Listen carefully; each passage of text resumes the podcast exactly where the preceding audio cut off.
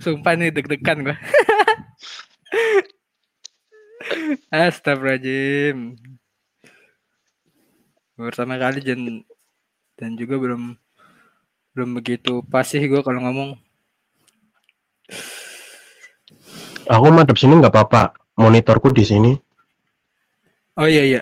Ini udah udah mulai ternyata di YouTube. Oh iya. Tunggu dulu aja.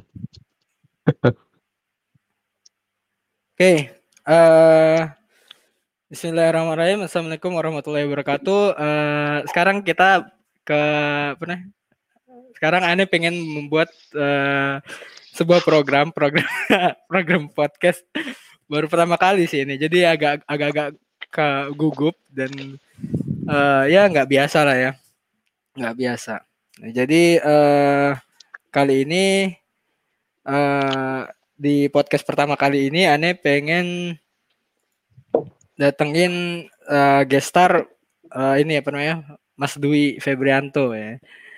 Jadi Halo. Mas jadi kenapa aneh milih Mas Dwi? Sebenarnya ada banyak sih pilihannya. Ada maksudnya uh, cal aneh pengen milih uh, kandidatnya gitu kayak misalnya uh, Om Suke, Om Rian, Om uh, dan yang lain-lainnya atau member DMM yang udah tinggi-tinggi.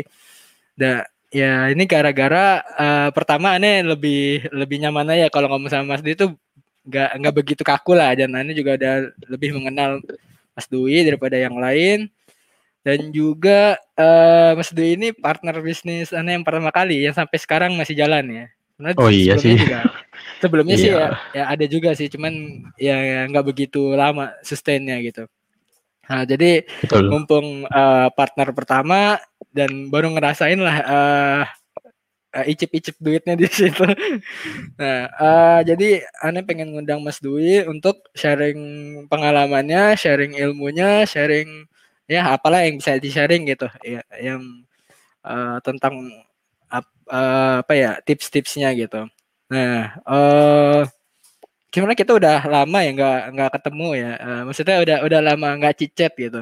Udah iya. lama nggak cicet uh, maksudnya sekali cicet juga nggak begitu lama nggak ada kayak interaksi yang begitu lama. Mungkin uh, tanya jawab doang.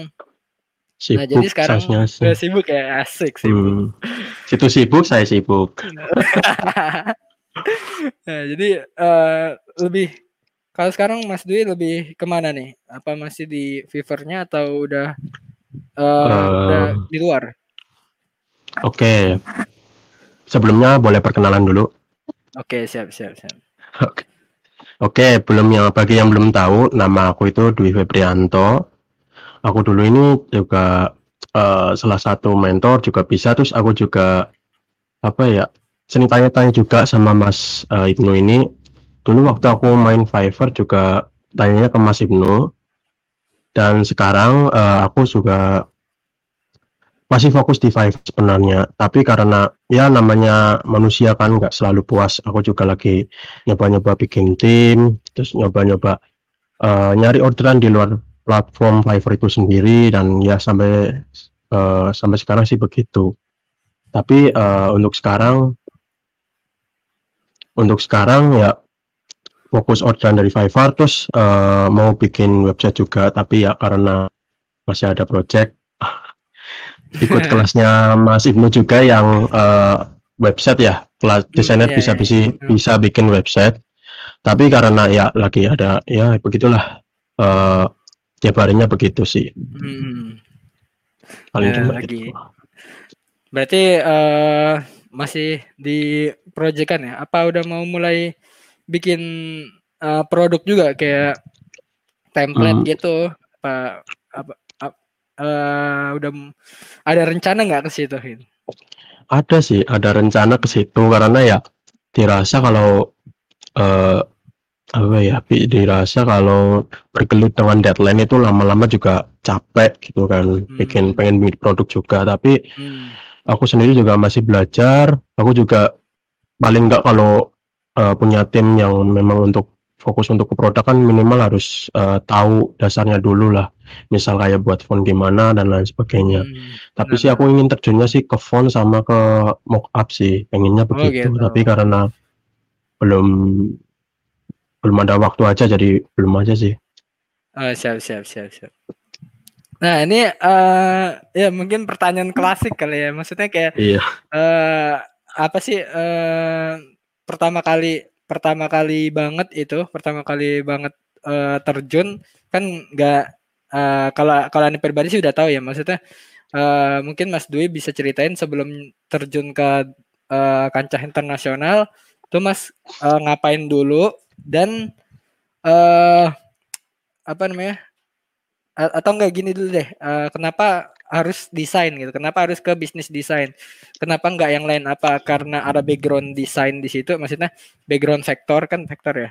Uh, background uh, kayak gambar gitu atau gimana kenapa harus ke vektor gitu? Apa? Pertama kali tuh nemu uh, aha-nya tuh di mana gitu pas lagi ngapain gitu. Oke okay, silahkan Mas Di Oke, pertama kali aku kenapa desain? Mungkin karena aku juga dulu mulainya juga coba-coba sih ya. Dulu pada aku mulai uh, suka desain itu dikasih uh, software sama teman aku di situ masih pakai bajakan lah. Uh, masih dulu Photoshop CS5 yeah. kalau nggak salah dulu kan uh, aku dari TKJ sekolahnya. Tapi hmm. karena menurut aku TKJ itu aku ngira pertama juga berhubungan dengan komputer terus kan ada mungkin kayak desain kayak dan lain-lain pikiranku pertama itu seperti itu kalau TKC tapi ternyata hmm. TKC itu lebih ke jaringan gitu kan hmm. nah maka dari itu karena aku uh, pusing gitu karena aku udah kayak bosen gitu hmm. uh, aku nyoba tuh uh, edit-edit seperti itu kebetulan lama lama-lama suka dari situ aku nyoba uh, cari tutorial gitu tiap. Tiap aku pulang sekolah dulu itu cari tutorial cari tutorial gitu kan terus hmm. ketemulah sama uh, tutorial cara buat dulu aku tahunya tuh uh, mengubah foto muka jadi kartun dulu belum tahu oh. yang namanya vektor atau vexel atau apa pun terus uh, aku coba tuh aku coba aku belajar sampai aku ya rajin post dulu di Instagram Instagram juga hmm. dulu belum rame banget sih pas aku hmm. sekolah terus aku coba di situ. Terus uh, followersnya juga kan teman-temanku. Terus lama-lama tertarik kan. Teman-teman uh, teman-temanku ini minta dibuatin untuk uh, misal untuk kado ulang tahun untuk kado nikahan untuk anniversary dan lain sebagainya. Terus aku kepikiran nih kenapa nggak sekalian dijual aja gitu kan.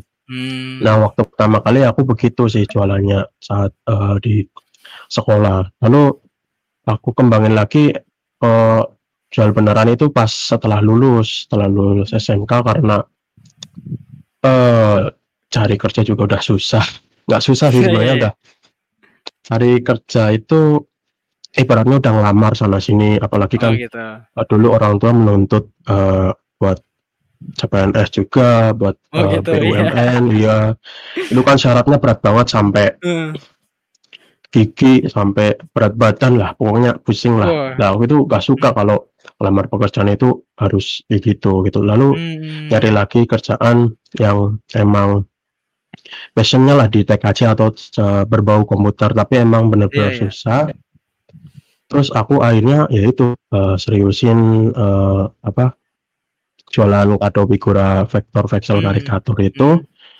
dengan nama dulu kadoku ID gitu terus oh. uh, aku coba ikut seminar juga dulu belum kepikiran oh, gitu. untuk jadi iya belum kepikiran jadi seminar bisnis tapi untuk oh. UMKM lokal dulu kan oh, iya, iya, ada iya. tuh dari Jogja kalau nggak salah ke Siapa hotel yang kurang tahu aku oh, dulu gitu. memang karena dari pemerintah yang ngadain pemerintah pembicaraan oh, mungkin gitu. juga kurang terkenal aku juga udah lupa dulu juga juga itu itu di uh, aku diajak sama temen gitu hmm. terus kebetulan dekat hotel uh, yang ada di daerahku terus aku coba-coba ikut tawan sama teman coba ikut kamu kan uh, jualan gitu kan siapa tahu dari situ kamu bisa scale up uh, bisnis kamu gitu ya udah aku ikut aja ah. kebetulan tiketnya juga murah karena di apa ya tiketnya itu sebenarnya kan harganya 100 berapa terus di uh, iya, iya. Uh, akomodisi sama pemerintah jadi oh, jadi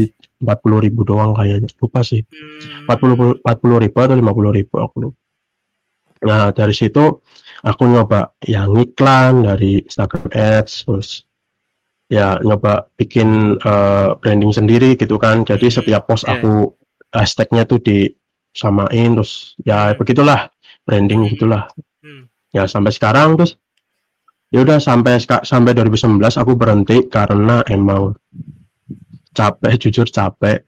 Terus hmm. ekspedisi sekarang kan mainnya juga sistem kebut. Jadi mereka itu kadang nggak baca mana uh, apa ya mana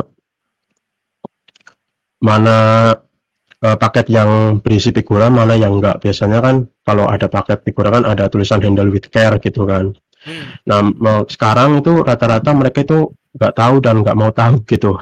Makanya sekarang mereka itu uh, udah nggak mau nerima paket figura itu yang membuat oh gitu. aku mundur. Ini sekarang Jen. Ya ekspedisi seperti itu. Pernah nggak sih ada kasus kayak hancur gitu uh, figuranya? Itu kan kaca ya, oh. ya maksudnya? Ada nggak sih? Hmm. nah.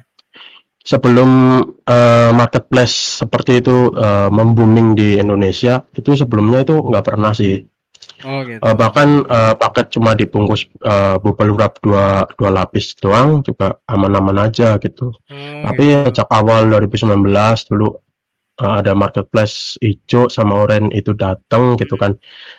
Zaman-zaman uh, ada event bulanan seperti itu pertama kali. Nah, sejak itu yang aku rasain bahwa paketnya itu ada yang minimal kacanya retak terus hmm, pecah gitu. gitu. Pokoknya kalau nggak di packing kartus ya udah gitu. Hmm. Ya udah itu rusak. Sedangkan oh, iya, packing kartus packing kartus itu kan beratnya uh, udah kalau tiap ngirim itu 2 kilo. Nah, itu udah oh. rugi banget gitu. Iya sih rugi ya misalnya hmm. ditambah packing yang berat. Iya jadi jadi yang sebelumnya nggak minat yang sebelumnya itu minat beli terus lihat ongkirnya nggak jadi beli gitu sih. Hmm. Iya sih soalnya uh, apa ya fig figura itu di di bawah 100 kan sih maksudnya? Tapi seratusan oh, ya, 100. Figura sendiri 200 gram kayaknya sih. Aku udah lupa juga. Harga, harganya gitu, harga. Oh, harga figura itu kalau yang memang kualitinya biasa aja sih 30 ribuan. Kalau memang ya. ngambilnya itu di ngambilnya di itu, ngambil di apa ya yang memang jualan figura ya, terus ya, beli itu. banyak segitu. Itu yang polos. Mungkin kalau yang mahal itu yang ada polanya kali yang hmm ukiran-ukiran gitu. Tapi kalau emang buat kado atau buat apa itu kan memang pada mintanya yang polos ya emang itu lebih murah daripada yang itu iya sih benar benar itu kalau misalnya ada yang rusak gitu apa harus diganti atau uh, dikurangin dibalikin dananya tuh gimana tuh kalau misalnya sebelumnya rusak. aku uh, sebelumnya sih aku kasih peringatan ya kalau memang nggak mau packing kayu hmm. ya ada sih penggantian tapi nggak full gitu. Karena ya mereka uh, dari ekspedisi mau asuransi itu kalau di packing kayu itu dulu gitu. Hmm. kalau nggak mau di packing kayu ya paling aku cuma ganti seharga figurannya doang tiga puluh ribu itu doang gitu. oh. Nanti uh, makanya aku lebih rekomendasiin mereka itu beli soft soft filenya aja gitu. Oh tapi tetap aja yang pada minta figura karena mungkin repot atau iya, apa repot, padahal ya repot nggak iya. ada nggak tahu juga mau print di mana hmm. gitu oke okay. uh, eh, berarti itu uh, tadi kan bilang direkomendasiin temen berarti ada temen yang tahu kalau misalnya Mas Dwi uh, ini ya apa namanya jualan vektor gitu nah terus ya, tahu. Uh, apa ada yang kayak uh, apa namanya minta join timnya kah? Atau uh, apa ya? Ya seperti itulah. Maksudnya timnya apa tanggapan okay. tim pas lagi punya mas punya usaha sendiri gitu? Eh maksudnya apa tanggapan temen nih? Kalau mas okay. Ya. untuk tim aku kalau temen sih nggak ada yang minta seperti itu ya. Aku yang nyari dulu. Karena uh, temen juga nggak pada bisa gitu. Temen juga punya udah punya kesibukan sendiri dari kerja, kuliah dan lain sebagainya. Jadi teman-teman itu paling cuma pesan. Kalau sekiranya dia mau join itu aku malah nyari sendiri. Dulu nyari di internet, dulu di grup Facebook masalah vektor vexel. Dulu aku nyari orang karena pada uh, ada saat di mana bulan itu tuh rame banget sampai aku dulu nggak pernah tidur ya nggak pernah tidur gimana ya tidur itu paling cuma satu dua jam gitu kan Wah, gila, karena gila, udah gila, gila, gila. desain juga uh. package packing nyetak itu aku ya. sendiri gitu sehingga ya Oh, capek banget. Itu semua aku kerjain. Aku nyoba nyari tim. Terus karena aku dulu eh, nggak uh, bisa managingnya, nggak bisa manajemennya ya, hmm. timnya nggak bertahan gitu. Cuma hmm. satu minggu, dua minggu, eh, satu kayaknya kalau yang orang pertama itu sekitar dua minggu tapi yang hmm. orang-orang selanjutnya itu paling bertahan cuma satu minggu karena bentar karena uh, emang saking banyaknya dan dia sendiri juga nggak bisa ya itulah karena dulu pada waktu itu kerja remote seperti itu belum terlalu pada saat aku dulu itu kerja remote belum terlalu terkenal sekarang gitu kan sekarang iya, kan iya, semua tahu kerja remote iya, tahu COVID kerja ya. gara-gara iya. covid seperti okay. itulah berarti uh, berarti dari sebenarnya berarti ad, memang ada pengalaman sebelumnya punya tim ya terus uh, iya. berarti kalau sekarang ada tim ya sekarang untuk sekarang sekarang ada tiga empat termasuk aku hmm. tapi yang oh, emang aktif remote? yang ya remote, remote semua remote. oh remote semua ya ya ya remote semua Kebetulan yang uh, yang satu emang sibuk, yang satu ini sekaligus jadi admin di Instagram aku emang sibuk, oh, jadi gitu. yang ya, ya. aktif kita kasih project itu cuma dua orang itu. Hmm. Jadi uh, bukan bukan factory semua ya, maksudnya ada yang bukan jadi admin ada juga.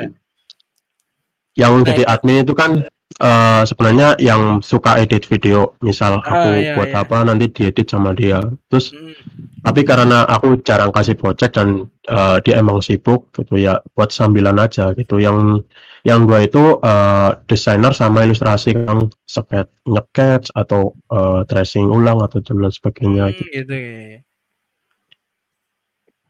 Nah, itu yang yang jadi admin temen atau orang lain. Soalnya kan itu butuh kepercayaan ya. Bisa aja nanti dia kayak ngambil akunnya gitu atau nyulik kliennya itu kan resikonya tinggi kalau jadi admin. Itu uh, apakah dia teman atau dia memang kerjanya offline atau gimana tuh?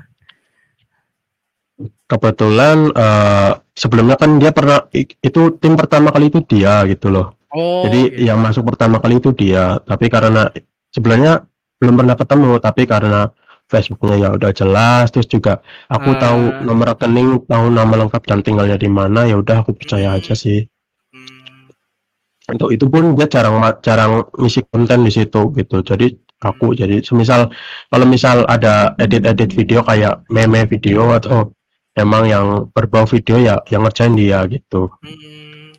oh jadi kayak yang video-video itu bukan Mas Dwi nya tapi di si iya, iya. itu aku cuma kasih ide itu terus saya hmm. kerjain gitu oh berarti dia itu paham multimedia ya? Maksudnya paham kayak edit video atau grafis grafis hmm. gitu dia nggak emang dia lebih ke editor video sih.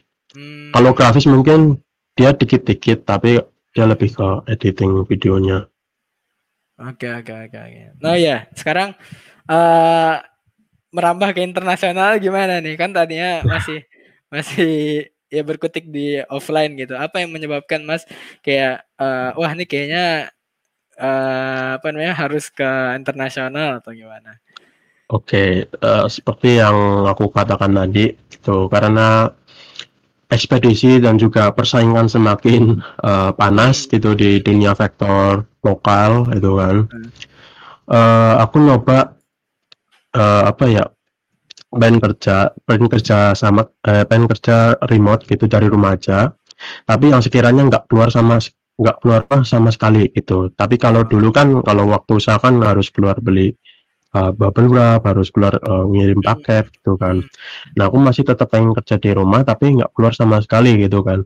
Dan saat itu memang belum kenal uh, freelance itu. Jadi ya apa sih ya kerja apa sih ya? Kebetulan uh, aku uh, gabung grup IGD kebetulan di situ ada kreator up apa ya saat itu oh, gitu. aku nyoba nyoba satu kali pada saat itu kebetulan pada saat aku ke sana uh, ada hmm. tryout uh, dulu kan aku ikut tes gitu ada tryout hmm. juga sekalian jadi sekalian ikut terus nah, dari situ aku kenal uh, freelance gitu kan hmm hmm. kenal freelance terus aku ngulik-ngulik ketemu tuh e-course-nya Mas Yoko Yoko hmm. Bom dulu uh, Fiverr. Lupa hmm. sih uh, nama e-course-nya apa. Pokoknya bahas tentang Fiverr. Hmm. terus ketemulah sama Mas Ibnu gitu. Oh, oh di situ ya, ya? dari situ. Pada awalnya aku uh, dulu kan apa ya beli e-course-nya Mas Yoko itu pakai afili pakai apa? Afiliate ya atau apa? Iya affiliate iya. Pakai orang lain karena hmm. saat itu dia bilang uh, bahwa apa ya bila, dia bilang bahwa uh, mau ngajarin gitu mau kalau ditanya-tanya itu dia mau respon gitu hmm. tapi ternyata dan juga dulu Mas Ibnu juga nawarin juga kan tapi ternyata aku pakai itunya dia link referralnya dia gitu hmm. jadi tapi setelah aku itu malah aku tanya itu dia slow respon banget gitu jadi oh, gitu. aku malah lebih tanya ke Mas Ibnu nah, dari situ aku kenal sama Mas Ibnu dari situ oke itunya orang lain tapi malah tanyanya ke nggak apa-apa emang dulu juga aneh kayaknya aktif banget di iya di apa, Facebook dulu aktif itu. banget nah, jadi ya emang lagi emang karena kerjaan aneh juga kan fever aneh uh, maklar juga jadi aneh agak ringan ah, gitu iya. kerjanya. Jadi aneh kalau misalnya ada orang yang mau nanya-nanya, nanya-nanya aja gitu. Kalau misalnya ditanya, kayak aneh orang nggak nggak sibuk banget apa nggak ada kerjaan di ya ada gitu, cuman bukan aneh yang pegang gitu. Iya, kebetulan kan emang on on, on Facebook terus, aku juga oh. begitu gitu. Walaupun ada kerjaan, emang dari ada orang dari yang emang sering order ke aku, dia memang aktifnya di Facebook terus gitu. Oh iya. Ya jadinya ada yang bilang juga kenapa katanya sibuk tapi kok on, on Facebook terus gitu. Oh. nah aku jawab seperti itu karena emang ada salah satu klien yang emang Facebook di Facebook terus. Iya gitu. benar benar. Uh, Sama gitu. ini juga Telegram juga gitu mana. Uh, nah iya jadi klien ya lebih suka di Telegram ya udah ya Telegram. Ada ya, juga yang di betul. WhatsApp cuma kalau WhatsApp sih jarang sih jadi ya alasan on sosmed juga karena ya peng uh, iya cari sama klien cari duit juga iya cari duit juga bukan karena gabut juga sekarang kan ya, sosmed juga bisa jadi uang dan sangat sangat berpotensi untuk jadi uang oke okay. berarti uh, awalnya itu ngeh ngehnya ya ngeh uh, ada freelance bisa ngasilin duit uh, ya. di luar negeri itu gara-gara kreator meetup itu. Iya. Kreator meetup di mana itu? Em, di, di Jogja dulu. Oh, oh Kebumen belum ada sama sekali. Iya makanya Kebumen kayaknya belum per nggak belum, belum pernah dengar gitu. aku aku pernah chat sama Om Mario gitu buat hmm. Nyoba ngadain karena emang dulu aku nggak punya channel tapi emang hmm. emang nggak ada gitu. Iya, yang yang ad, kreator yang di Kebumen itu masih sedikit emang. Hmm. Kalau aneh yakin sih mungkin uh, kalau talentnya ada-ada aja cuman kayaknya melek melek uh, freelance ke luar itu kayaknya masih sedikit ya. Iya betul. Nah, benar sih. Jadi uh, apa namanya jadi pertama pertama meleknya gara-gara creators meet up terus uh, ikut e-course terus habis itu uh, akhirnya mulai uh, nge di situ ya iya jadi uh, pertama kali menghasilkan di Fiverr itu atau sebelumnya pernah juga dapat klien luar negeri? Belum pernah dari oh, Fiverr oh, itu pernah. sendiri. Iya. Oh, gitu. Kalau oh, luar negeri ya baru Fiverr itu sendiri. Uh, kalau Kadokoit itu enggak enggak pernah itu ada orang luar iseng chat. Oh, oh iya lupa ada orang Malaysia sama Hong Kong tapi oh, uh, emang gitu. orang itu kerja di luar ya tetap orang Indonesia sih karena oh, mereka kerja di luar. Iya, hmm. kerja di luar ya di Malaysia, di Hong Kong gitu. Jadi ya ya gitu. Hmm, oh, jadi uh, dia ngadoin ke uh, ini ya orang terdekatnya di Indonesia atau gimana? Jadi gini, uh, ada juga yang begitu. Jadi hmm. ada uh, orang yang kerja di Malaysia terus kebetulan saudaranya ada di Jawa gitu kan. Uh, dia pesan di aku terus kirim ke alamat yang ada di Jawa itu. Ada juga yang memang uh, langsung dikirim ke Malaysia buat uh, emang dia punya temen yang emang sama-sama orang Indonesia terus ya dikasih itu pernah. Ada juga orang Hong Kong yang aku pernah itu pakai pos dulu. Hmm, oh pakai pos yang ini hmm. Ber berapa ribu itu mahal ya? Ini nggak pernah mahal, tapi, sih. Lupa sih sekitar 200 tapi mahal wow. sih. 200-an wow, itu pun banget, gila. packingnya juga harus kayu harus di ah ribet oh, iya, sih. Iya, iya.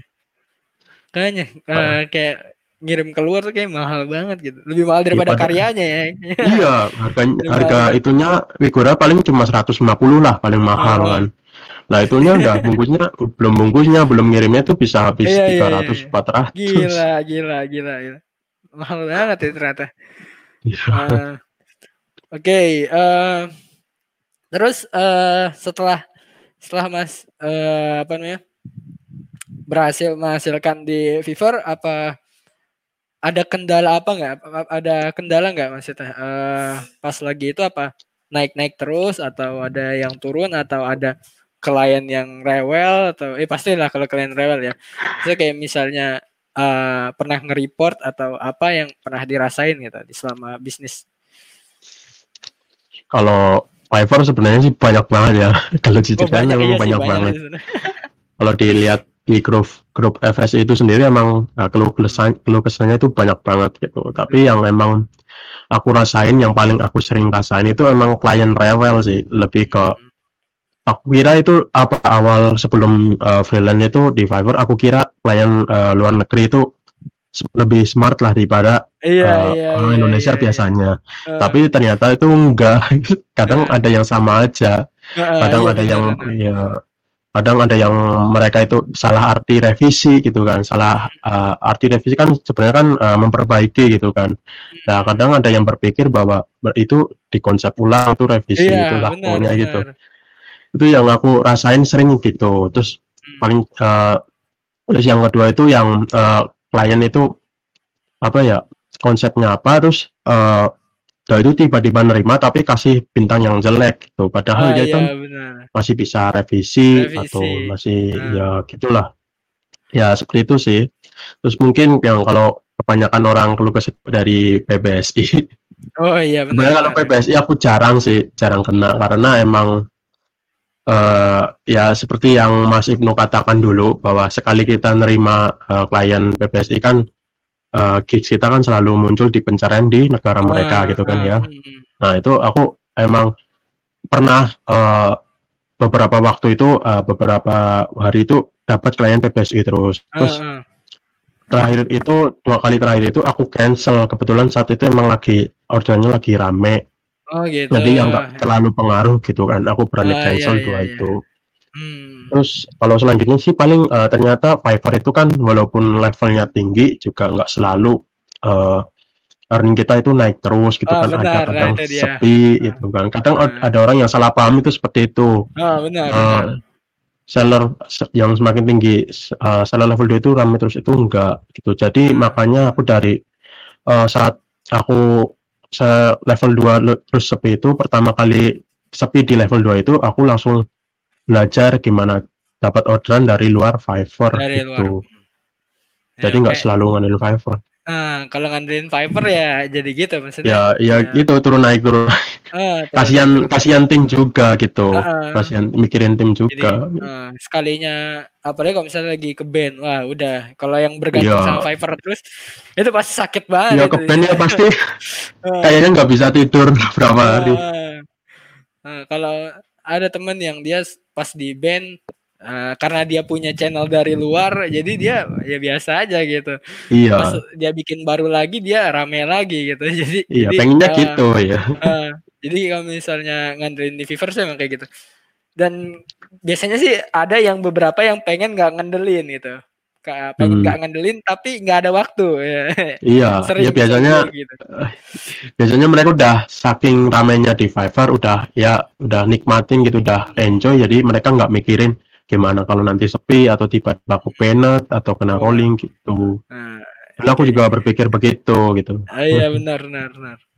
Nah itu uh, jadi kalau misalnya main di uh, marketplace ya kita harus ngikutin apa yang tuan rumah iya. mau gitu ya. Kalau iya, sama di orang gitu. Kalau misalnya ya kita nggak bisa ngarepin loh kok begini begini begini ya itu terserah iya. tuan rumahnya.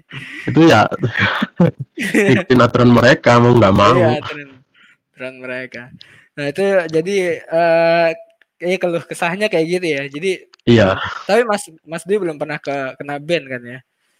Belum. Kalau kena warning belum pernah. Warning, warning. Belum, belum pernah. Belum. Wih keren, keren, iya. keren. level iya. belum pernah kena warning keren ya, mungkin karena sering ini ya sering aktif di komunitas dan tahu iya, apa jadi aja yang tahu gitu. warning ya hmm. jadi menghindarinya oke mantap ya nah uh, kalau sekarang berarti uh, udah mulai ke mana aja nih katakan udah mulai mencari-cari peluang selain dari Fever uh, apa udah ny nyari di mana aja udah berusaha nyari di mana aja Oke, yang pertama dari Twitter. Oh, dari Twitter. Twitter. Kalau emang kita tahu itunya, sebenarnya di Twitter juga bagus gitu. Kan yang kita tahu Twitter kan uh, sosmed yang sepi gitu kan. Iya, kalau di Indonesia. Padahal di luar negeri juga kayaknya hampir sama kayak Instagram dan Facebook gitu kan. Hmm, gitu. Tapi emang uh, tergantung kita jualan apa sih, nggak semua uh, karya masuk di Twitter benar, gitu. Benar, benar. Nah seperti itu. Lalu uh, aku juga mulai pajang-pajang uh, portofolio di Dribble, lalu di uh, paling di Dribble sih. Kalau di Behance belum. Terus juga lagi nyoba TikTok, juga lagi oh, nyoba dikit-dikit. Iya. Kontennya apa tangannya belum belum ngecek tuh kayaknya. Konten apa? Belum nih? banyak sih. Emang emang baru coba-coba. Uh, terus uh, ya baru-baru coba aja sih. Jadi belum banyak juga terus nggak ada waktu terus uh, ngurus TikTok iya, juga bener. ngurus suara freelance juga gitu aku. Makanya aneh ngeliat uh, Mas Dwi kayak ngisi suara freelance ngisi apa ya ya pokoknya itu lumayan lah kalau ya, nih uh, ya aku sebenarnya banyak banget yang diurus.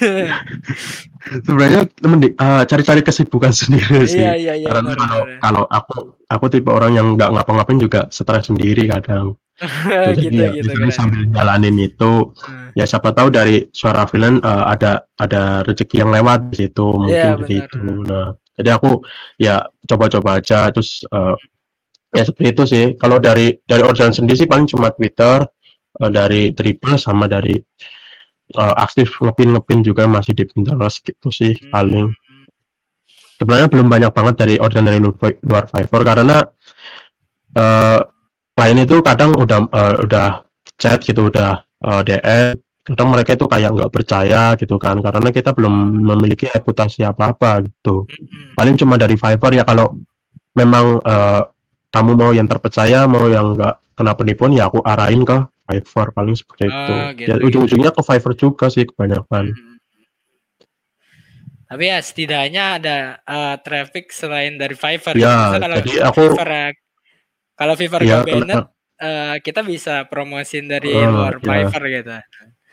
Ya nah. paling enggak jangan selalu ngandelin uh, algoritma dari Fiverr itu sendiri kan ah, ada rolling dari Fiverr kan juga ada kena rolling gitu kan. Nah itu yang bikin emang nggak enak di Fiverr kena rolling kita juga nggak ada traffic yang masuk sama sekali dari Fiverr itu sendiri makanya ya, parah. aku nyoba cari-cari di luar gitu.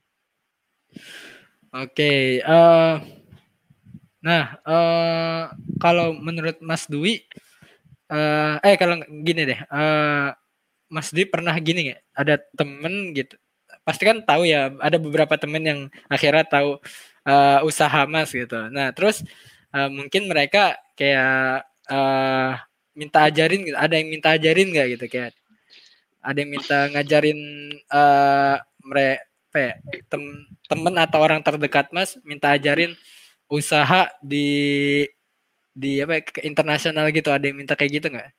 Banyak ya? Ad, hmm, ad, ad, gimana ya? Bisa dikatakan banyak sih banyak. Tapi yang emang benar-benar serius itu sedikit gitu. Iya sih benar. jadi iya jadi kayak kayak beda. Kalau kita kan kalau kita memperkerjakan pekerjaan kan sekali kita ngelamar udah masuk gitu kan kalau freelance kan kita harus bangun portofolio dulu kita hmm. juga harus nah banyak lah belajarnya mereka itu uh, biasanya yang bikin gak minat itu dari situ ah hmm. uh, ribet lah gini lah hmm. gitu loh jadi nggak nggak mau jadi uh, niatnya itu terkurungkan uh, terus ada juga yang emang benar-benar niat gitu hmm. uh, ada juga temanku yang mahasiswa juga karena dia sendiri butuh penghasilan tambahan gitu kan. Jadi mereka uh, mereka itu minta diajarin gitu kan. Walaupun emang dia juga masih kesibukan di kuliahnya tapi ya dia emang benar-benar serius. Nanti setelah lulus dia pengen jadi freelance karena emang ya itu gitu. Oh, apalagi iya. sekarang kan uh, corona gitu kan uh, pandemi ini lebih banyak lagi yang minta teman aku karena ya mereka ada oh, yang gitu. kehilangan pekerjaannya gitu kan. Tapi emang kalau mulai belajar dari sekarang memang udah lumayan telat walaupun ya hmm. ya masih bisa belajar karena emang hmm. sekarang uh, freelance itu kan uh, emang lagi trending terus lagi banyak oh, orang yang mencoba jadi freelance persaingannya juga hmm. makin banyak mau nggak mau ya harus belajar lebih ekstra gitu hmm. ya, biasanya mereka mundur karena emang ribet duluan gitu nggak mau nyoba hmm. dulu gitu oh jadi uh, mungkin ini bisa jadi nasihat bagi para penonton yang masih mulai kali ya jadi uh, jangan ngeliat apa ya kayak kelihatannya ribet tapi uh, iya. ya kita jalanin dulu aja jalanin karena dulu ya betul. Uh, belum tentu yang terlihat ribet itu beneran ribet gitu ternyata iya. bisa aja mudah gitu dan uh, ya jadi uh, menurut Mas Dubi uh, kalau misalnya orang zaman sekarang gitu yang langkah yang paling baik dilakukan itu gimana gitu? Menurut Mas Dwi aja gitu. Misalnya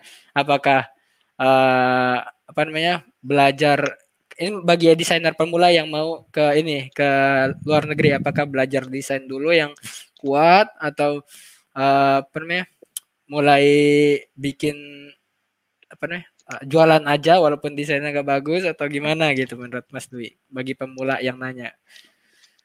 Kalau aku sih ya, kalau aku ya entah kalau orang lain gitu. Di zaman sekarang kan emang uh, freelance itu kan saingannya banyak tuh. Mau nggak mau emang kita harus belajar dulu, belajar uh, apa ya, belajar desainnya dulu karena uh, lalu enggaknya itu juga tergantung kualitas desain yang kita buat gitu jadi ya uh, belajar dulu jadi kalau misal orang ini uh, pemula ini juga sambil belajar uh, cara jualnya nanti juga ikutan pusing. Nanti kalau semisal emang bener laku semisal uh, karyanya itu uh, misal belum mantap atau memang baru belajar beberapa bulan lalu dia uh, coba jualan gitu kan. Nah yang uh, aku rasain kalau memang uh, dia laku lalu emang dia emang apa ya ya laku dan terus itu rame itu nanti dia malah terlalu fokus dengan jualannya daripada uh, mantapin skillnya. Ya aku sendiri juga ngerasain seperti itu. Waktu aku dulu apa masih uh, jualan vektor gitu kan vektor muka gitu kan. Nah aku kan kebetulan memang uh, lagi rame gitu kan. Nah, terus itu uh, aku sampai lupa cara gimana uh, upgrade skill kita. Padahal uh, apa ya pendapatan pendapatan kita bisa naik itu skill karena skill kita yang emang di upgrade gitu. Jadi emang lebih enaknya belajar gitu sampai emang benar-benar uh, nyaman benar-benar uh, tahu toolsnya benar-benar ya bisa dikatakan uh, bagus dan ya seperti itulah. Lalu coba juga uh, bikin personal branding sendiri di Instagram. Karena kalau kita ngandelin marketplace di Fiverr contohnya itu ya kalau suatu saat seperti yang aku katakan tadi kena rolling apalagi sampai kena banned itu ya pasti nggak bisa dihitung sampai tiga hari gitu. karena kita fokus jualan sedangkan ya seperti itulah kita urupain dengan upgrade skill apalagi sampai personal branding gitu. Itu kan.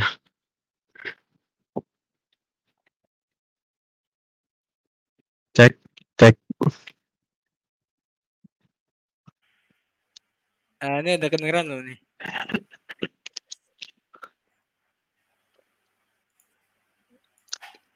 Tes tes tes. Ya masuk masuk. Oke masuk ya. Oke. Tadi ada agak terkendala sama headset. Oke.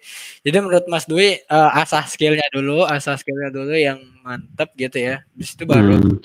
jualan ke luar. Karena kalau misalnya sekalinya udah dapet uh, pendapatan itu merasa kan karya kita tuh udah bagus gitu ya. Iya, padahal ya karena kadang ya, ya itulah. Uh, kadang anda juga sering kayak gitu, kayak misalnya ada orang yang uh, batu gitu, di dibilangin oh, desain kamu tuh belum begitu oke okay, gitu hmm. maksudnya.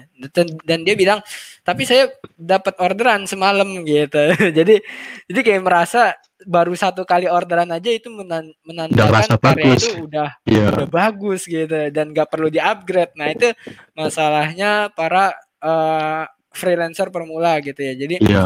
uh, merasa desain udah bagus walaupun kliennya baru dikit dan nanti dia malah hmm. ngomel sendiri dia malah ngomel sendiri dan bilang e, mas kok ini saya nggak ada orderan lagi ya mas nah, dari kemarin ya iya ya sering rasain seperti sering ya? itu ya?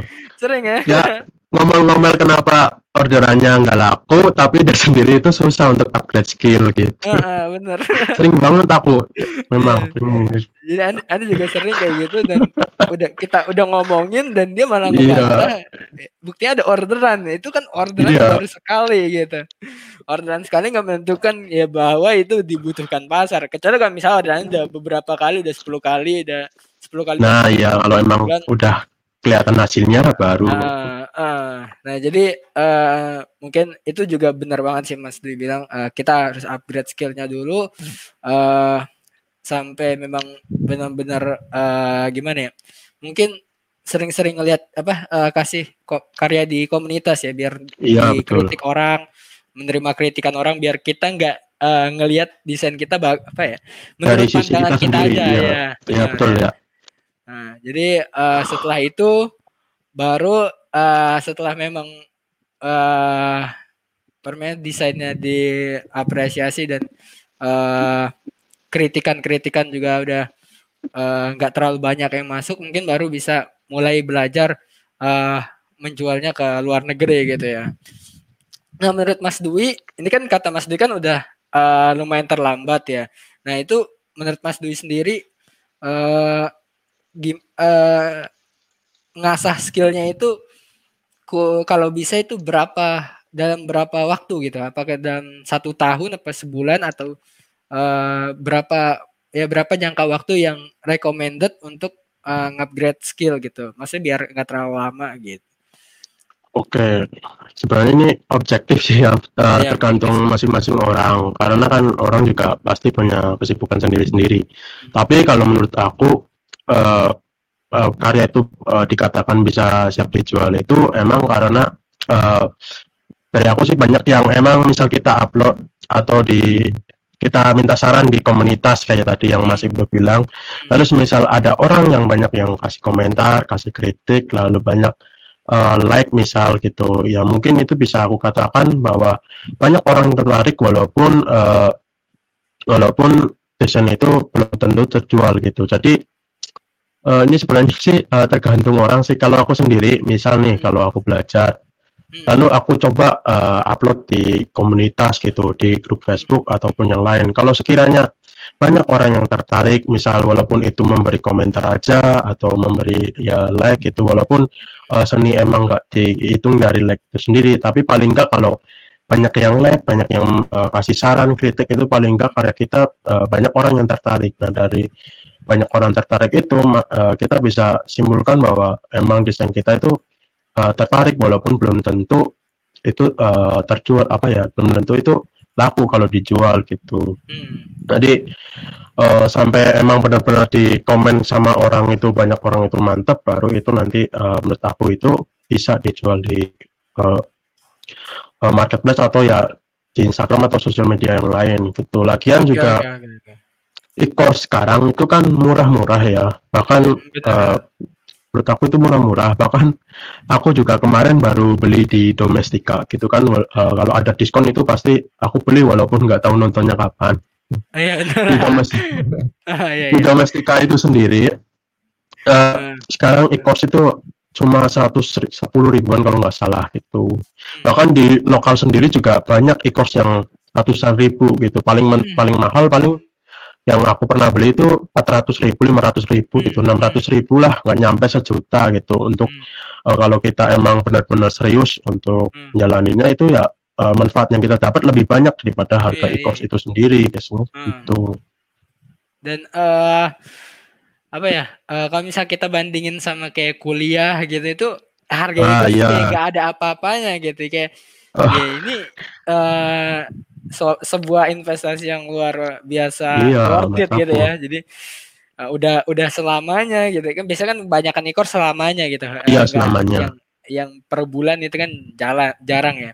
Nah, itu dan apa mentornya mau support gitu kan uh, iya enak gila, banget itu sih enak banget ya kan emang kalau aku beli e-course itu yang paling enak itu emang supportnya itu ada gitu aktif terus uh, jadi nggak bohong-bohong gitu yang paling nggak suka ya udah uh, di situ tertulis uh, e-course-nya uh, katanya full support tapi ya slow respon atau gimana gitu kan juga nggak enak gitu. Hmm, mending kita nonton di YouTube daripada gitu sih kalau aku. Iya jadi kalau ya kan ada juga yang bilang kayak misalnya uh, ngapain beli course itu ada di YouTube semua. Sebenarnya iya kalau kalau anda pribadi sih mikirnya gini ya mana uh, memang e-course itu uh, bukan cuma materi yang dilihat walaupun materi juga uh, salah satu nilai ya maksudnya. Iya. Kalau misalnya pun materinya ada di YouTube tak itu nggak menjadikan uh, e-course itu jadi nggak worth it karena ada mentor ya di situ. Karena bisa iya, aja uh, apa yang dimaksud uh, pembicara maksudnya apa yang dimaksud si pembuat video itu nggak nyampe ke kita kita malah maksudnya yang lain gitu ya kayak misalnya kayak yang aneh sering lihat tuh orang nyimak uh, video tentang branding. Nganggapnya branding adalah logo. Ya kan yeah. jadi salah kaprah gitu ya. Yeah. Kalau misalnya ada mentor kan jadi kita jadi tahu oh ternyata yang namanya branding itu bukan logo doang gitu. Nah, seperti itu uh, kalau menurut Anda ya. Jadi uh, jadi Mas uh, metode belajarnya Mas Mas Dwi itu adalah uh, dari ekors ekors gitu ya. Di, pertama yeah. dari komunitas juga kan tadi bilang dari join join FSI, kreator meetup. Terus setelah dari komunitas uh, merambah ke e-course e-course. Nah, terus setelah uh, uh, di e-course e-course, nah terus apa yang Mas lakukan uh, untuk belajarnya, metode belajarnya apalagi gitu yang yang Mas lakukan? Apa sih, paling cuma itu sih, uh, ke e-course, terus kalau udah kita mantap di course, udah sekiranya bagus gitu, kita tanya ke komunitas gitu kan. Bahkan komunitas itu kan nggak cuma di FSI atau di lokal-lokal doang, teman-teman semisal memang bisa berbahasa Inggris gitu, bisa minta saran di Reddit juga ada. Oh Reddit gitu. ya? Reddit, terus di Twitter juga ada sebenarnya komunitas manga gitu yang gambar-gambar manga gitu. Aku kadang sering lihat walaupun kadang ada juga yang pakai bahasa Jepang gitu tapi ya oh gitu. uh, ada juga yang bahasa Inggris. Nah itu bisa aku uh, gunakan untuk belajar juga. Saya lakukan sekarang lagi belajar uh, anatomi gitu gestur gambar-gambar seperti itu. Nah aku kadang ya, sering lihat tips-tips dari Twitter juga. Ternyata Twitter itu nggak sesepi yang aku bayangkan gitu sih. Oh, iya, iya. Kalau anda juga masih mikir Twitter itu kayak apa ya kayak cuman tempatnya buzzer. Kalau ini maaf ya kan anak-anak Twitter ngelihat karena anda pribadi iya. kalau bisa buka Twitter itu yang dilihat kayak uh, hashtag hashtag trending gitu itu. Pas hashtagnya itu kadang ngawur. Iya kadang ngawur gitu. Dan kenapa trending juga gara-gara giveaway gitu. Gue nggak iya. kayak ya ini buzzer semua. Jadi kayak takutnya tuh uh, hati itu jadi nggak bersih asik. Iya. jadi uh, ya begitulah. Jadi uh, oh ya sekarang aneh mau nanya juga nih. Ini yang sering ditanyain sama yang aneh sering dapetin nih. Kayak misalnya uh, pertanyaannya itu adalah freelancer itu wajib jago berbahasa Inggris nggak? Dan uh, Mas Dwi sendiri gimana pas baru pertama kali freelance itu apakah udah jago bahasa Inggris atau enggak gitu? Oke, okay, tadi yang aku jawab uh, tadi soal trending sebenarnya yeah, bisa yeah. diganti sih pakai trending yang di Amerika Serikat atau di yang oh, lain gitu. Iya, iya, aku iya. sendiri sekarang pakai trending yang di Amerika Serikat kemarin pas di panas-panasnya politik juga oh, aku iya, ikutan iya, iya. lihat-lihat gitu. Oke, okay, soal freelance bisa bahasa Inggris apa enggak? Menurut okay, aku yeah, sih nggak wajib ya sebenarnya. Yeah nggak wajib gitu istilahnya uh, klien aku juga nggak cuma orang yang bisa bahasa Inggris ada juga uh, kemarin hmm. uh, klien aku itu dari Belanda itu pakai hmm. bahasa mereka Jerman juga hmm. tapi emang rata-rata mereka juga pakai bahasa Inggris sih ujungnya walaupun nggak se uh, sebagus uh, klien-klien yang emang dari Amerika gitu tapi menurut aku emang itu nggak wajib tapi nggak ada salahnya juga itu kita tetap upgrade skill gitu hmm. dari skill komunikasi kita karena pada suatu saat kita juga akan uh, menerima klien yang memang harus video call gitu kan hmm. itu juga kalau kita sambil belajar bahasa Inggris juga yang sebelumnya kita baca brief lalu kita translate ke translate kan gitu kan butuh waktu yang lama gitu iya, kan. Iya, kalau kita belajar dan udah paham kan tinggal baca doang gitu kan. Oh, nah, iya, yang aku rasain itu seperti itu walaupun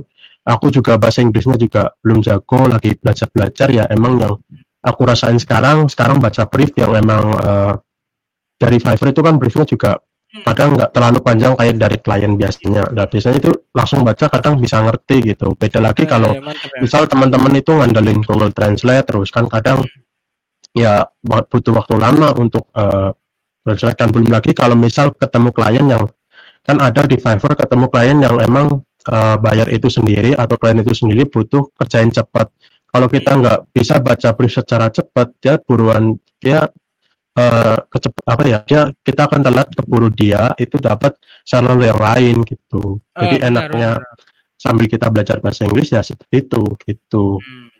selain okay, itu jadi, uh, iya. oh bentar nambahin bentar ya. Lanjut, lanjut, ya selain itu uh, skill komunikasi kita itu bisa menambah value value atau nilai yeah, uh, yeah. dari uh, produk kita sendiri. Misal kalau kita komunikasinya bagus, profesional gitu kan, klien itu nggak segan-segan, nggak uh, sayang-sayang sama duitnya itu nggak nggak uh, apa ya dia itu rela gitu buat bayar mahal kita. Walaupun emang uh, produk kita biasa aja tapi skill komunikasi kita bagus layanannya itu bagus ya kita pasti uh, bisa lah untuk mendapatkan uh, harga yang kita inginkan gitu menurut aku.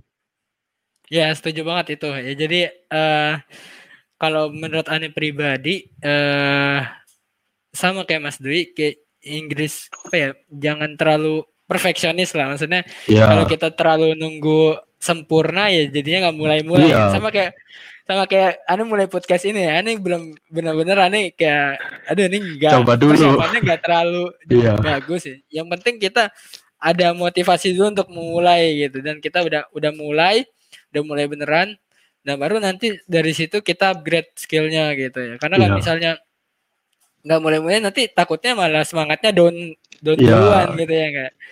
Jadi uh, uh, tadi kan uh, mungkin uh, maksud Mas Dwi gini ya, apa uh, nggak wajib tapi uh, direkomendasikan gitu ya. Iya, betul. Jadi, uh, karena kalau misalnya kita bisa komunikasi, yang aneh simpulin ya, ya kalau misalnya kita bisa komunikasi bagus, alias bahasa Inggris kita uh, inilah uh, ya minimal kita bisa paham walaupun kita nggak apa ya nggak terlalu nggak uh, hafal semua ko ko kosakatanya tapi kita ngerti maksudnya ya itu bisa menjadi nilai tambah dan dan juga bisa bisa ini bisa dan nilai tambah nilai tambah bagi klien luar itu beda sama klien uh, sama klien iya, Indo ya karena sama klien Indo kan iya. klien luar itu kan uh, nilai tambah itu bisa jadi tip gitu kalau orang Indo iya. mungkin Nggak, jarang sih, aneh nggak tahu. Jarang ya, aneh nggak pernah ada. Aneh kayak, uh, ah, mungkin ada beberapa, cuman iya tapi nggak banyak lah. Se nggak sesering klien luar. Ah, benar, benar, benar, benar. Nah, jadi uh, itu ya, jadi uh, yang aneh rasakan juga kayak gitu. Jadi uh, bagi kalian yang misalnya malu-malu atau uh, grogi, apa ya, maksudnya kayak nggak nggak pede uh, jualan di luar padahal karya udah bagus anda sering dapat kayak gitu karya udah bagus banget cuman nggak pede jual keluar karena uh, bahasa Inggrisnya nggak bagus gitu alasannya bagus, dia nggak jago bahasa Inggris padahal sebenarnya dia uh, sudah ngerti beberapa ya minimal lah ngerti inilah pernah kayak basic-basicnya ya kayak yeah. sekedar ya kalau misalnya pernah denger lagu dan ngerti lagu ya itu udah udah bisa yeah. gitu kalau menurut aneh nah jadi uh, Oh ya, uh, kan tadi bilang direkomendasikan belajar bahasa Inggris setelah uh, sudah apa ya? Ya apa ya maksudnya udah udah mulai terus belajar bahasa Inggris. Nah, kalau Mas Dwi sendiri belajar bahasa Inggrisnya gimana metodenya? Kan banyak orang berbeda-beda cara belajar bahasa Inggrisnya. Oke. Okay. Oke, okay, kalau aku cerita juga dulu waktu aku SMK itu bodoh banget bahasa Inggris jujur. Oh gitu. Dulu iya nilai ujian tryout juga ya nilai ujian sih masih mending lah ya. Tapi kalau dulu ikut tryout itu dapat uh, paling tinggi itu dapat lima dulu. 50 oh gitu. jadi iya. Jadi siap tryout itu kalau enggak tiga empat lima tiga empat lima. Bahkan hmm. uh, saat ulangan pun juga sering remedi itu bahasa Inggris dulu aku gitu. Hmm. tapi malah emang nggak tahu udah jalannya atau udah rezekinya malah jadi bulan bahasa Inggris itu yang aku gunain gitu tiap hari ketika nah tiap hari ketika uh, aku uh, ber, uh, bekerja gitu. Padahal waktu aku SMK bahkan SMP pun aku itu tidak terlalu minat dan bodoh banget uh, bahasa Inggris gitu. Dan kalau metode belajar aku itu uh, yang pertama dulu waktu aku uh, masih uh, sering banget dapat orderan dari Fiverr gitu yang emang masih fokus banget di Fiverr itu setiap kata yang uh, uh, kata yang diberikan oleh klien itu nggak cuma aku uh, copy dan paste gitu. Kadang aku pahami kalau kata, uh, kosakata yang baru gitu loh. Dan kadang aku uh, bukan dicatat ya, kadang aku uh, uh, aku ingat-ingat juga yang uh, bahasa yang mereka gunakan. Jadi uh, metode metode ngapalinnya itu bukan kata per kata kalau aku, tapi per kalimat. Misal uh, kalau lagi buka pembicaraan itu gimana, pakai kalimat apa gitu. Jadi aku itu lebih suka dari kalimat per kalimat gitu, enggak kata per kata. Karena kalau aku dulu uh, dulu kan kalau metode belajar anak sekolah itu fokusnya ke kosakata gitu, kok hmm. grammar apalagi gitu. Padahal kan uh, klien juga ketika dia order itu nggak butuh grammar. Yang dia butuhkan itu responsivitas kita komunikasi kita gitu. Jadi ya emang buat teman-teman yang nggak jago bahasa Inggris daripada ngapalin kata per kata lebih baik teman-teman ngapalin kalimatnya gitu. Kalimat yang uh, ya kalimat yang memang di saat kita uh, mendapatkan chat, ketika kita mendapatkan revisi, responnya gimana kita apalin gitu. Nanti kalau udah teman-teman bisa uh, kalau memang udah hafal, teman-teman sambil bisa uh, memaknai atau uh, mengartikan dari uh, kalimat sendiri. Nah, setelah itu aku tuh uh, belajar bahasa Inggris itu dari uh, film dari film-film Netflix itu kadang oh iya iya iya, iya. Uh, kalau film itu kan uh, bahasa yang dia gunakan itu kan bahasa sehari-hari bukan bahasa hmm, yang secara grammar atau hmm. apa gitu kan mesti hmm. bahasa yang mereka sehari-hari gunakan hmm. jadi uh, bahasa yang mereka itu gunakan itu bisa kita jadikan uh, template bahasa kita yang untuk klien gitu hmm. jadi ya seperti yang aku katakan tadi apalilah kalimatnya dulu kalau misal teman-teman emang nggak terlalu jago kayak aku sendiri. Kalau memang teman-teman udah paham gitu, teman-teman bisa cari kata perkatanya. Hmm. Lalu selanjutnya dari YouTube. Nah, dari YouTube itu setiap aku mau tidur atau lagi mau ngantuk itu uh, selalu buka YouTube uh, conversation uh, daily gitu. Aku selalu buka itu. Oh gitu. Ya di situ ada uh, video yang conversation daily itu yang selama 10 jam atau selama lima jam itu kata-katanya kan banyak banget. Uh. Itu ya sekaligus uh, uh, sekaligus belajar dan sekaligus uh, dengerin gitu uh, cara pengucapannya itu gimana gitu. Aku biasanya seperti itu. Jadi dan setelah itu setelah kita mempelajari semua itu dan kita juga meng, uh, apa ya jangan terlalu mikirin seperti Mas Ibnu tadi jangan terlalu banyak mikir lah yang penting kita itu uh, mulai dulu pede dulu kalau aku jadi misal malu-malu atau emang nggak bisa ya kita belajar pede dulu bahkan nah, waktu aku dulu uh, video call pertama kali sama klien bule itu aku pertamanya juga deg-degan. Oh, deg-degan iya. terus gimana ya kalau misal dia nggak jadi gitu apalagi hmm. dicap jelek gitu. Toh uh, pas uh, video call itu malah dia menghargai gitu walaupun kita iya, nggak bisa bahasa Inggris uh, dia menghargai nggak masalah. Yang penting kamu nanti paham. Pas uh, kebetulan pas saat itu aku memang ketika uh, kemampuan uh, pendengaranku bahasa Inggris itu sudah lumayan cukup tapi memang kemampuan berbicara aku itu masih kurang. Uh, si hmm. klien itu bilang nggak apa-apa nanti aku kasih teks juga nggak masalah gitu. Yang penting kamu ikut uh, ikut rapat lewat itu voice call gitu. Nanti ya begitu klien menghargai kok nggak kayak uh, orang-orang Indo gitu. Kita hmm. belajar dikit aja di juga mental itu di, di itu lah. Kita salah dikit aja kata-kata gitu kita hmm. pasti dijudge gitu. Waktu yeah, aku man, dulu man. sekolah pun begitu gitu. Kadang diketawain, hmm. makanya kita nggak mau belajar ya karena kita takut. Padahal kalau kita bodoh amat dan kita belajar PD ya sebenarnya kita bisa gitu sih.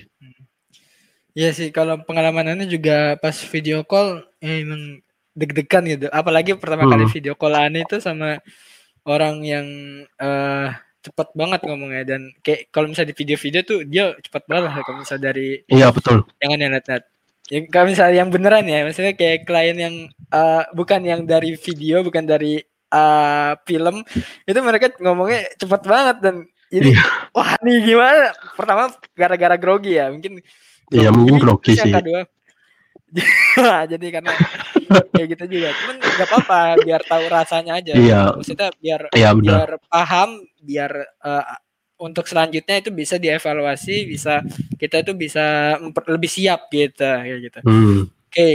ini udah kita udah udah sejam udah hampir sejam ya. Iya nggak nggak kerasa sih. cepet banget ya. Iya. Jadi uh, ini bagi adik yang mau nanya silahkan nanya aja. Karena uh, mungkin sejam lewat dikit doang kita uh, ininya uh, live streamingnya. Uh, mungkin dua pertanyaan kalau misal ada ya. Cuman ini, ini karena yeah. kan nanti nggak nggak publish juga ke banyak uh, platform cuman di grup uh, DMM sama BWKD aja eh B BWKD DBBW jadi uh, ya kalau misalnya nggak ada pertanyaan kita akhiri tapi kalau misalnya ada silahkan kalian komen-komen nah uh, sambil menunggu nih pengen uh, kayak tadi kayak apa pembahasannya kayak lumayan seru ya kayak yang Inggris itu. Karena ini kan yeah. problematika yang ya sering uh, dirasain freelancer yang pemula. sering dirasakan freelancer pemula. Jadi uh,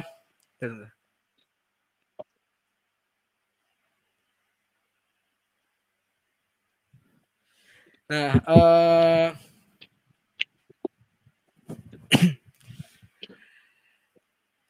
tanya, tanya ya? Ah, bahasa Inggris ya, bahasa Inggris.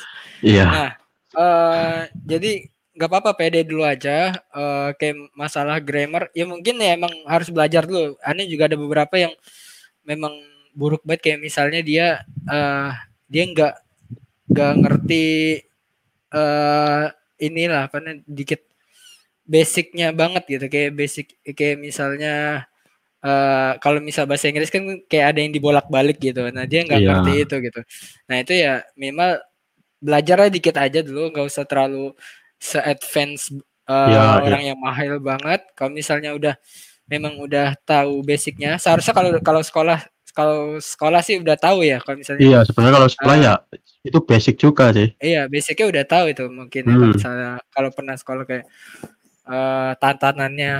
Nah itu uh, udah udah bisa gitu kalau menurut aneh. Dan kita juga kalau Google Translate nggak nggak nggak nggak dibego-begoin banget gitu ya misalnya. Iya, jadi uh, kan kadang Google Translate juga ada yang ngawur gitu kan. Iya, ada yang ngawur dan kita juga iya. tahu gitu. Oh ini iya, harus, ngawur gitu. Ya makanya selalu bilang minimal kita tahu kata yang aneh apa enggak gitu. Uh, kalau benar, kita benar. Oke, ini ada uh, yang nanya nih dari Mas uh, grosir Tasikmalaya. Oh, live-nya gini ya. Oh, keren ya live-nya. Nah, Baru tahu sih. ada pertanyaan ya. untuk seni negosiasi dengan bule gimana Om? Nah, tuh. Gimana tuh kira-kira? Kalau negosiasi sebenarnya Mas ini juga pernah bahas apa ya di e-book apa ya? Oh iya, iya, apa iya. ya? Kayaknya aku pernah baca. Hmm.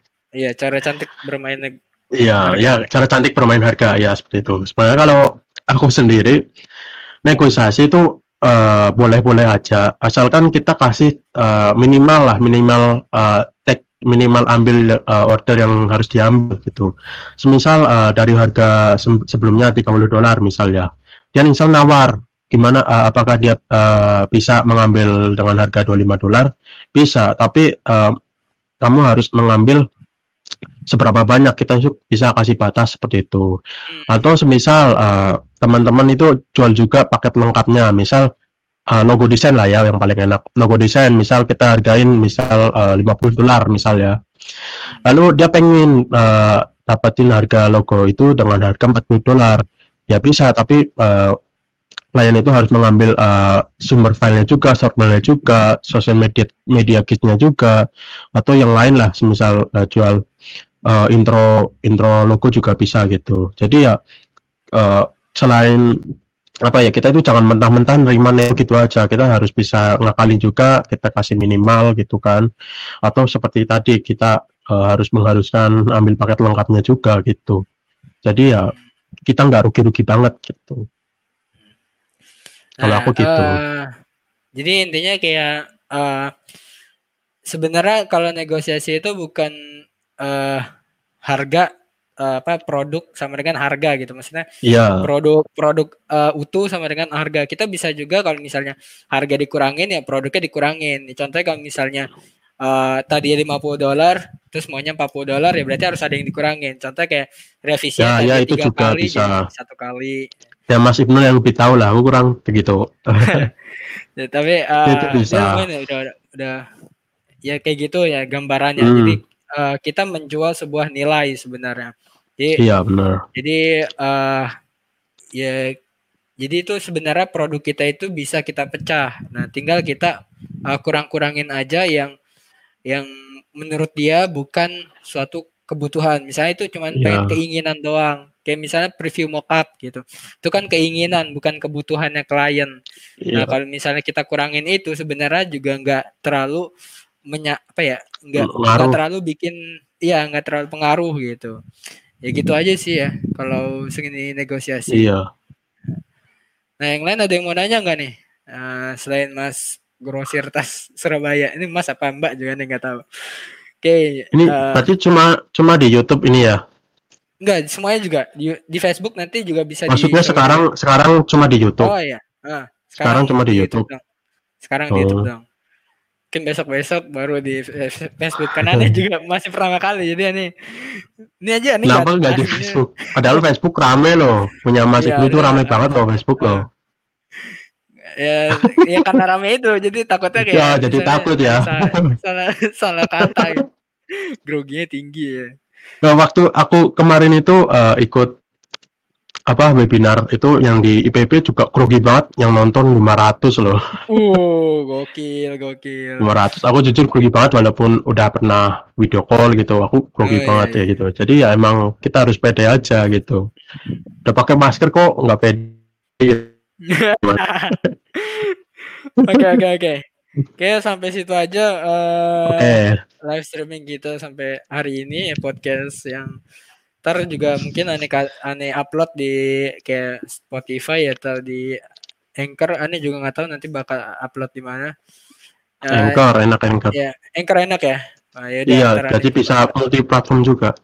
Oh gitu. Jadi hmm, bisa di di, sana. Oh. di Spotify juga bisa Apple Apple Podcast juga bisa Google Podcast juga bisa itu bisa. Oh, nanti ya. bisa dimonetize juga di Anchor juga. Oh siap siap jadi nanti mungkin aneh upload di Anchor nanti aneh konsultasi sama Mas Dwi ya. ya jadi uh, itu aja lah ya. Ini kita ya. uh, udah sejam lumayan juga. Dan kayak lumayan gak kerasa, kerasa ya. Iya benar-benar kerasa, kerasa loh. Jadi ya gitu aja deh. Ya terima kasih oh, sudah menyimak. Kalau misalnya ada salah kata ya mohon dimaafkan. Uh, mungkin dari Mas Dwi ada kata-kata terakhir nggak nih mau yang buat disampaikan terakhir apa sih ya? Oke, okay. ya. oke okay, mungkin kata-kata terakhir. kata-kata terakhir sih ya Menurut paling uh, ya buat teman-teman belajar pemula ya yang terpenting ya belajar terus gitu. Kalau biasanya penyakit belajar pemula kan terlalu iri sama earning awards. Oh iya benar. Biasanya yang aku rasakan begitu. Jadi uh, teman-teman itu tetap fokus dengan produk yang teman-teman jual. Jadi teman-teman itu jangan terlalu lihat uh, earning orang. Misal ada orang yang jual pet vector, earningnya banyak, uh, orang apa teman-teman beralih ke pet vector gitu. Jadi jangan jangan jadi orang yang seperti itu. Jadi jadikan uh, teman-teman itu freelancer yang konsisten gitu. Jadi karena jadi konsisten uh, seperti itu teman-teman bisa menghasilkan penghasilan yang emang konsisten juga gitu. Dan juga uh, aku boleh promosi nggak? Oh iya silakan, iya harusnya boleh ini. Oke, okay. buat buat teman-teman, uh, aku itu seperti yang aku katakan tadi di diskusi tadi, aku juga punya Instagram. Uh, sebenarnya punya tim juga sih, punya dua orang, namanya Suara Freelancer. Lalu juga aku juga punya podcast di Spotify, uh, namanya juga Suara Freelancer. Teman-teman bisa cari sendiri. Nah, aku juga ya Facebook fanspage oh, nggak jarang aktif sih. Dan juga aku juga punya grup LTO LTO ini uh, lempar terima orderan. Jadi buat freelancer pemula yang emang uh, apa ya yang bingung nggak terlalu ramai orderannya gitu teman-teman bisa cari orderan di lempar terima orderan. Kebetulan sekarang emang lagi rame pos-posannya lagi rame vektor uh, pet juga sekarang. Jadi teman-teman bisa join di situ. Gitu juang gitu itu doang. Hmm. Ntar, ntar, kayak bagusnya kita ini nih kita uh, kasih ininya. Nanti uh, link suara freelancer ada di YouTube ya. Ada di ya, deskripsi. Instagramnya ya. aja Instagramnya aja. Ya, Instagramnya aja. Oke. Okay. oke. Okay. ya. Nah, ini ya kan bisa ke Instagram. Uh, suara freelancer di situ ada Terus juga Spotify juga ada. Ani juga belum dengerin Spotify. Aduh parah banget. Spotify juga baru update sih karena oh, uh, settingan ruanganku juga baru bagus sekarang jadi baru bisa update minggu ini gitu. Oh, oh iya, iya iya. Tapi sebelumnya udah ada podcast sih walaupun uh, kualitasnya juga biasa aja gitu, jelek lah. Hmm. Tapi ya untuk uh, ke depan mudah-mudahan lebih baik. Gitu.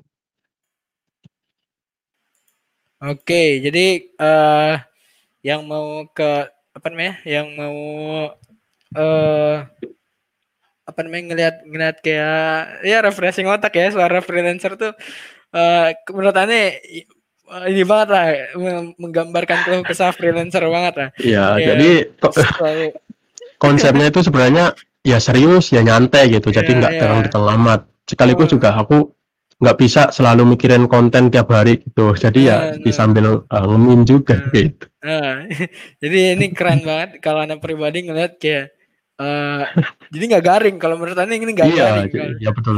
Jadi uh, kayak dia pinter banget kalau beneran ya. Pinter banget nyari montage itu mas sendiri atau admin itu yang nyari uh, montage kayak suara gagak yang waktu itu ya Oh, kalau ya. meme aku sendiri ya, jujur sih. Oh, itu. Kalau yang tim itu kan seperti yang aku katakan tadi, cuma ngikutin ya. apa yang aku katakan idenya dari aku. Karena oh, gitu. kan aku kan juga kalau benar-benar gabut kan scroll-scroll uh, sosmed gitu, scroll, scroll Facebook ataupun Instagram lah.